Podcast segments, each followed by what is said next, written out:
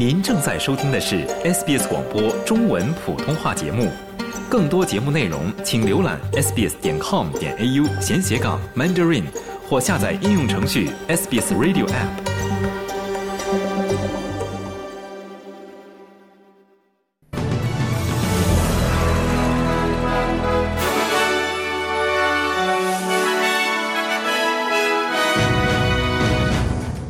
三级气旋或将袭击昆士兰州北部。商业团体对增加带薪育儿假的提议表示支持。欧洲各国外长在布鲁塞尔开会讨论加沙局势。中国选手郑钦文成功晋级澳网女单八强。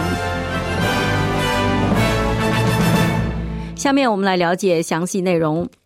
澳大利亚总理安东尼·阿尔巴尼斯回应唐纳德·特朗普连任美国总统的可能性，称他准备与澳大利亚亲密盟友的任何领导人合作。此前有消息称。佛罗里达州州长罗恩·德桑蒂斯退出了共和党总统提名竞选，而最新的 CNN UNH 民意调查显示，特朗普在新罕布尔布什尔州的下一次初选中领先十一个百分点。虽然这位前总统的法律麻烦才刚刚开始，但他似乎很有可能获得提名，并在十一月的选举中与总统乔拜登对峙。与此同时，根据 ABC News I。IPSOS 的一项新民意调查，拜登总统在所有美国人中的支持率已经降至历史最低点百分之三十三，低于特朗普百分之三十六的最低点。阿尔巴尼斯告诉天空新闻，澳大利亚和美国的关系不是关于哪个国家的领导人是谁，而是关于共同的价值观。I have a good relationship, obviously, with 阿尔巴尼斯说：“我与拜登总统的关系很好，但我们尊重美国的民主进程。无论结果如何，我们都会应对。”天空电视台问：“您能和唐纳德·特朗普一起工作吗？”阿尔巴尼斯回答：“无论结果如何，我们都会合作，因为澳大利亚和美国之间的关系不仅仅是个人或者领导人之间的关系，这是我们人民之间的关系，并且基于我们共同的民主价值观。”尽管澳洲人面临生活成本压力，但是在寻工广告里，潜在雇员的薪资增长仍高于通货膨胀。就业网站 Seek 的数据显示，截至二零二三年十二月的一年里，其平台上公布的薪资增长了百分之四点五，超过了百分之四点三的通胀率。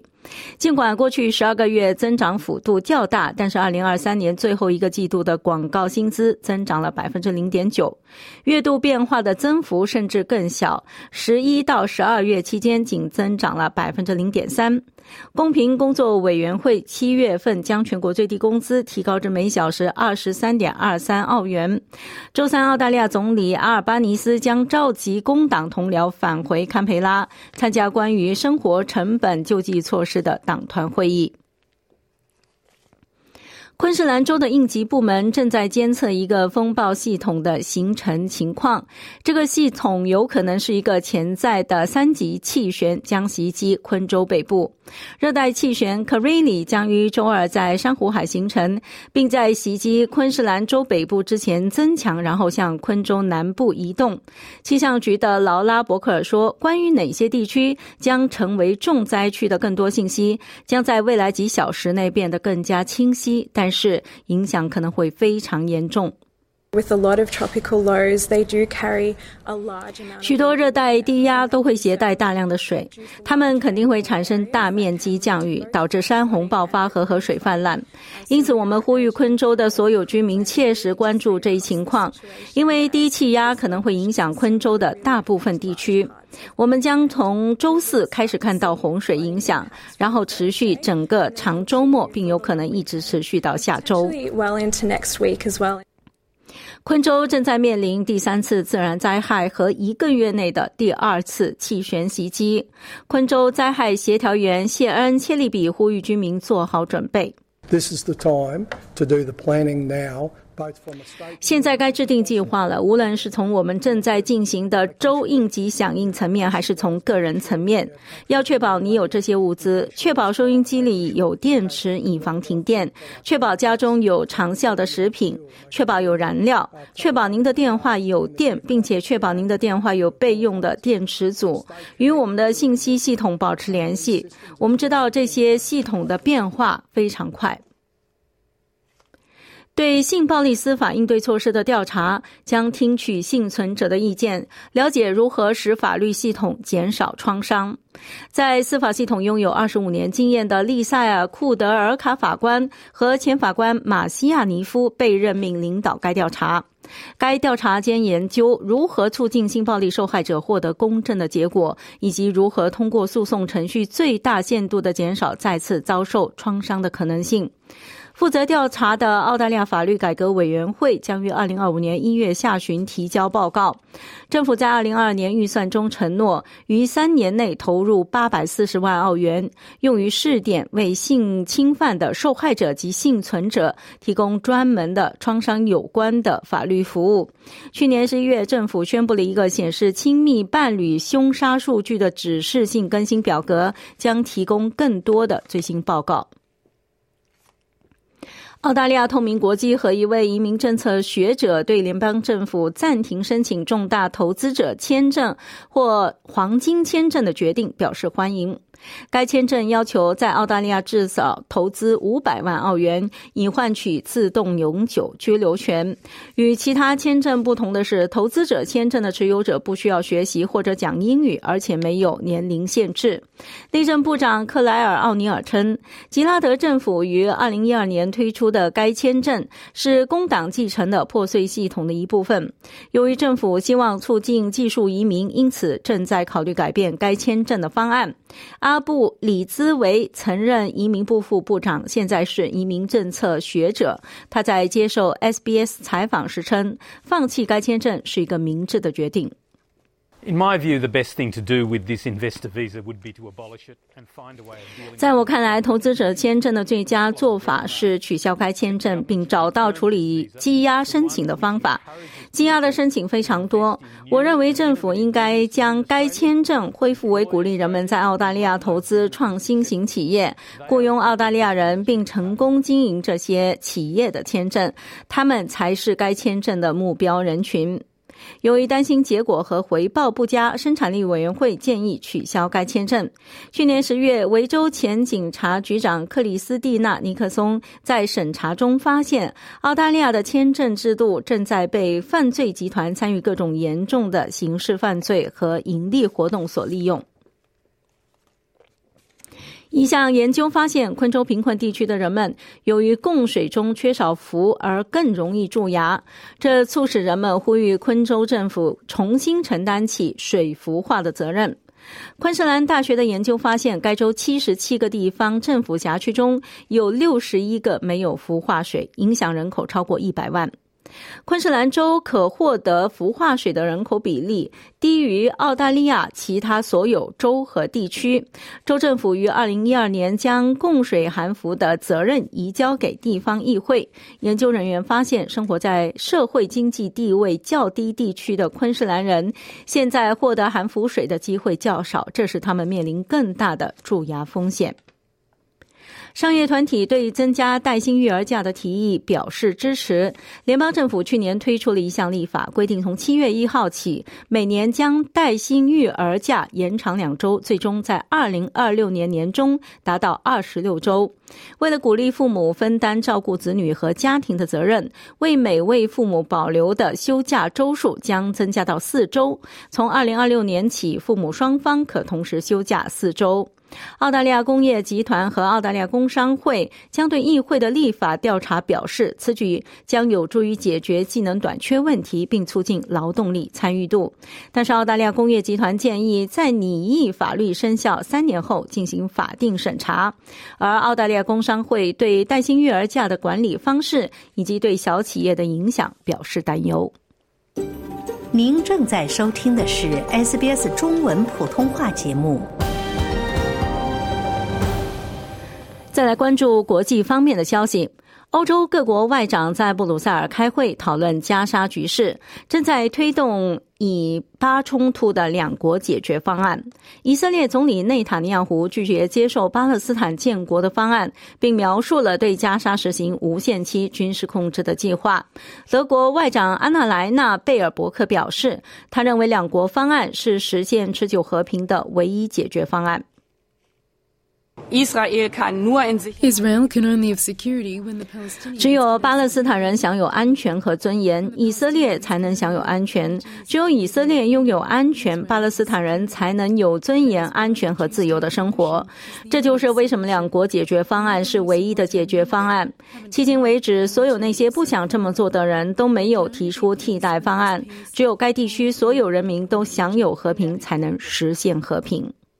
外长们将分别与以色列外交部长伊斯雷尔·卡茨和巴勒斯坦民族权利机构外交部长里亚德·马利基举行会谈。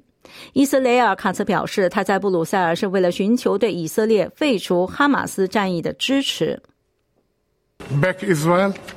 to dismantling the Hamas terror organization. 支持以色列废除哈马斯。该组织非常残暴地攻击以色列，我们必须恢复我们的安全。我们勇敢的士兵正在非常艰苦的条件下战斗，以带回我们的人质，恢复以色列公民的安全。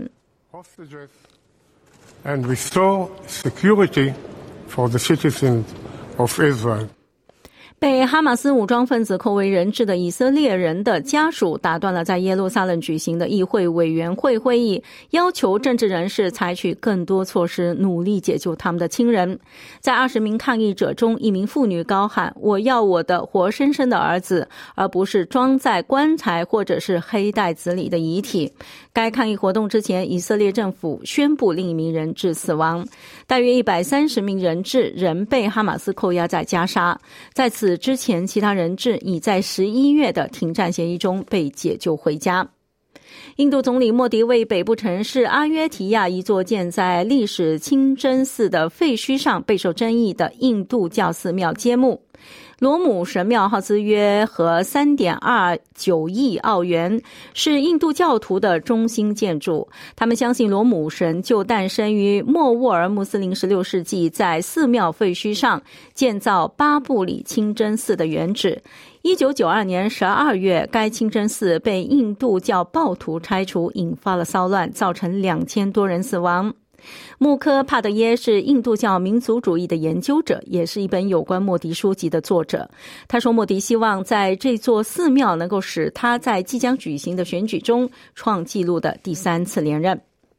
What is being done in ayota the kind of scale at which it is being in 在阿约提亚所做的一切，目前正在建设和开发的规模，实际上将其使其成为印度教的梵蒂冈，这就是将要宣传的。莫迪不会错失任何一个宣传修建寺庙成就的机会。云南发生山体滑坡，造成两人死亡，数十人失踪。救援行动在零度以下的大雪天气中仍在继续。中央电视台报道称，有十八户人家，共至少四十七人失踪，其中两人已被发现死亡。当地时间凌晨五点五十一分左右，山体滑坡袭击了西南城市昭通的两个村庄，山脚下棕色山土中的房屋被淹没。再来关注体育方面的消息。澳网方面，世界排名第二的卡洛斯·阿尔卡拉斯首次闯入澳大利亚网球公开赛四分之一决赛。这位二十岁的西班牙选手只用了一小时五十分钟，就直落两盘击败了塞尔维亚人米奥米尔·凯茨曼诺维奇，比分为六比四、六比四、六比零。随后，他将迎战六号种子选手亚历山大·兹维列夫。阿尔卡拉斯告诉第九频道，他期待着面对下一个对手。I hope to, to play a, a really tough match against him. I love playing against 我希望与他进行一场非常艰难的比赛。我喜欢与萨沙比赛。我认为我们俩的网球水平都很高。我认为对于观众来说，这将是一场很棒的比赛，所以我会尽力投入我的百分之百，打出我最好的水平。让我们拭目以待。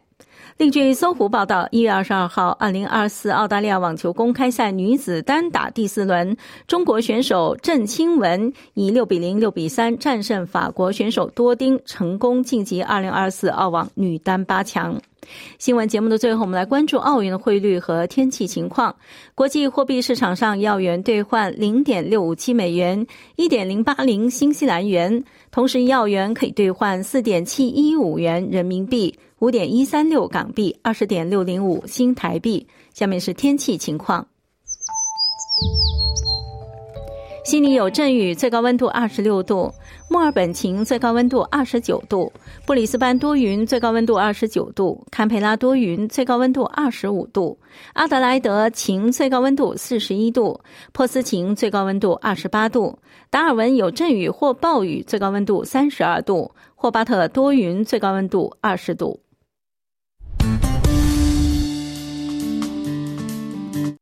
了解澳洲，融入澳洲，欢迎登录 sbs 点 com 点 au 前斜杠 language 前斜杠 mandarin，获取更多澳大利亚新闻和资讯。